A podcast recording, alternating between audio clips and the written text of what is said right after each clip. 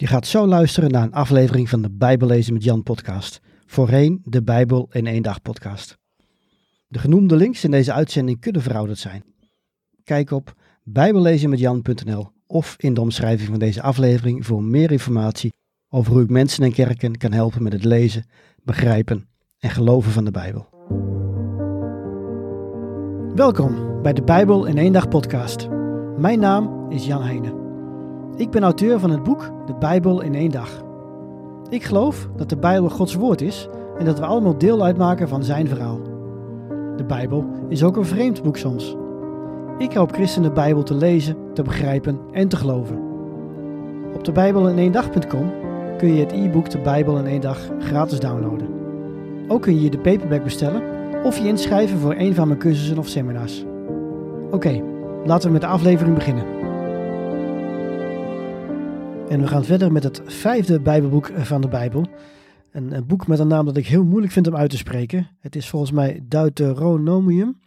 Uh, maar ik zal het woord zoveel mogelijk uh, niet gebruiken, want ik vind het een erg lastig woord. Maar zoals ik zei, dit is het vijfde boek van de Bijbel en het bestaat voor het grootste deel uit de afscheidsspeech van Mozes. Um, het is eigenlijk niet één afscheidsspeech, het zijn er eigenlijk vijf.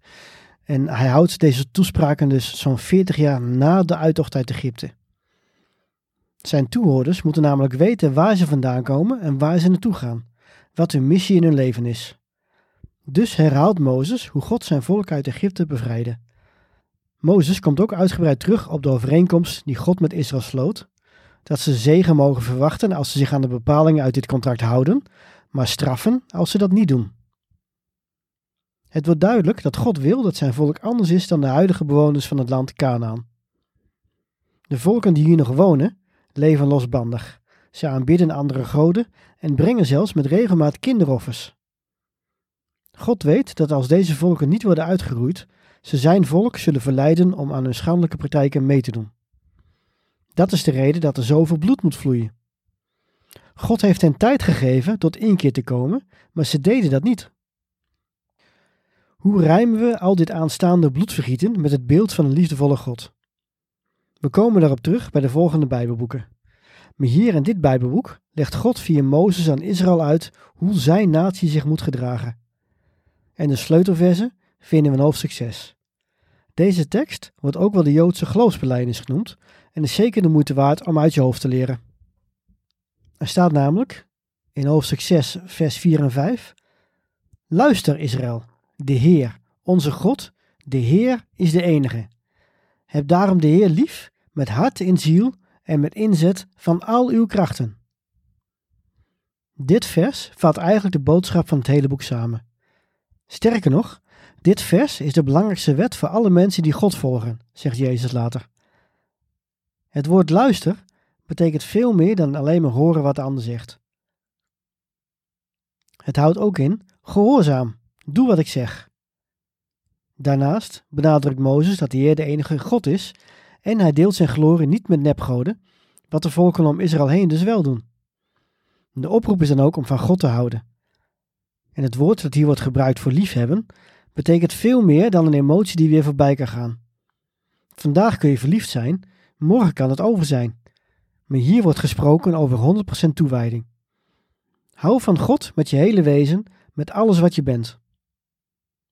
Als je goed hebt opgelet bij het lezen van mijn boek De Bijbel in een dag of bij het luisteren naar deze podcast, dan weet je nog dat Mozes eerder had gezegd dat Israël een koninkrijk van priesters zou vormen. Zij moesten de zegen van God verspreiden over de wereld. En hier vertelt Mozes hoe het volk dat moet doen, door alleen God te aanbidden, met een hele hart, ziel en wil. Uiteindelijk moet Israël een tempel bouwen en daar God aanbidden.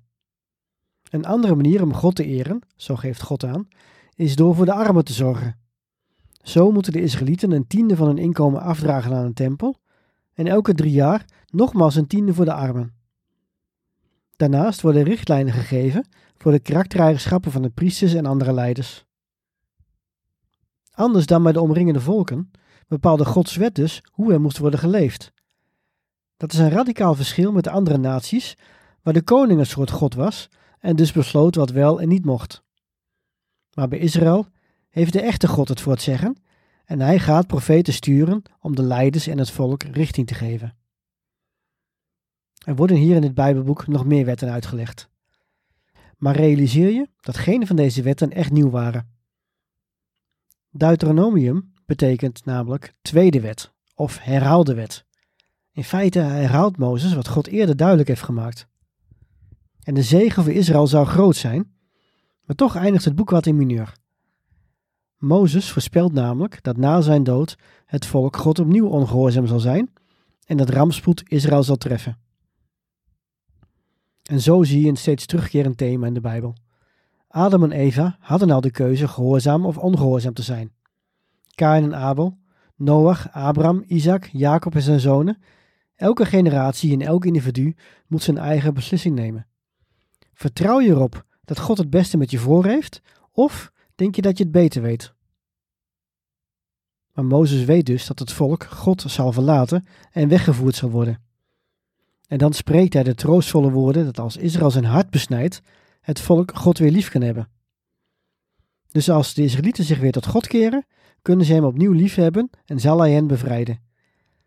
Deze belofte, dat God het opstandige hart van de mens zal veranderen, wordt later door andere profeten aangehaald. Dit is de hoop, dat God een nieuw hart schenkt. Mozes dan beëindigt zijn toespraak met een lied waarin hij waarschuwt en zegent. Dan benoemt God Jozua tot de nieuwe leider, loopt Mozes de berg op en sterft. En hier eindigen de eerste vijf Bijbelboeken, die volgens de overlevering door Mozes zijn geschreven. Israël staat op het punt het beloofde land te veroveren, maar zijn nog zoveel vragen onbeantwoord. Wanneer komt de nakomeling van Eva om de slang te vermorzelen en wie is hij? Hoe gaat God de wereld redden en alle naties zegen via het nageslacht van Abraham?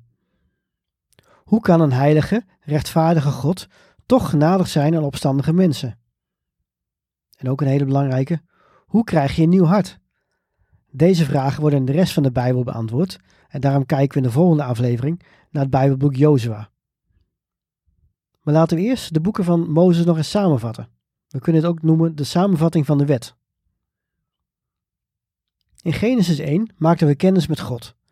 Hij creëerde het universum en de mens is de kroon op zijn schepping. Hij wilde zijn liefde delen en gaf ons daarom een vrije wil. Helaas gingen de eerste mensen, Adam en Eva, de fout in. Ze wilden aan God gelijk worden en lieten zich gek maken door de slang. Die daagde hen uit om van de boom van goed en kwaad te eten. Daardoor kwam de zonde in de wereld. Adam en Eva mochten niet langer in de Hof van Eden wonen. Ook zouden ze uiteindelijk sterven.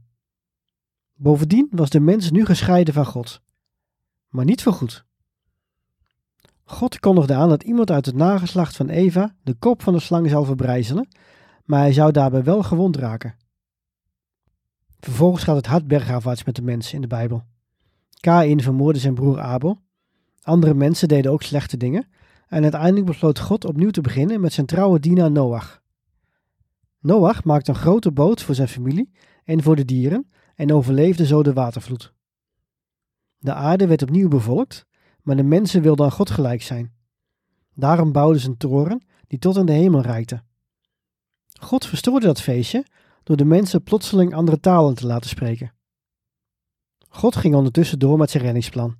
Hij riep één man, die later Abraham werd genoemd, en beloofde hem een zoon van waaruit een heel volk geboren zou worden.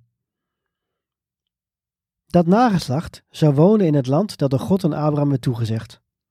God zei ook dat hij Abrahams God zou zijn. Abraham kreeg uiteindelijk een zoon, Isaac genaamd. Isaaks zoon Jacob kreeg twaalf zonen, die uiteindelijk de twaalf stammen van Israël vormen. Deze Israëlieten werden 400 jaar als slaven vastgehouden in Egypte, tot God hen bevrijdde door rampen op Egypte af te sturen. Uiteindelijk vond de Exodus, ofwel de uittocht, plaats. God leidde zijn volk op weg naar het beloofde land Canaan, het huidige Israël. Hij gaf de Israëlieten te eten en beschermde hen. Ook vertelde hij hun hoe ze moesten leven en aan welke voorschriften ze zich moesten houden. Het ging bijna direct al mis. En niet één keer, maar meerdere keren. Ook weigerden de Israëlieten het beloofd land in te nemen, omdat ze bang waren voor de huidige inwoners. Daarom moesten de Israëlieten 40 jaar in de woestijn doorbrengen.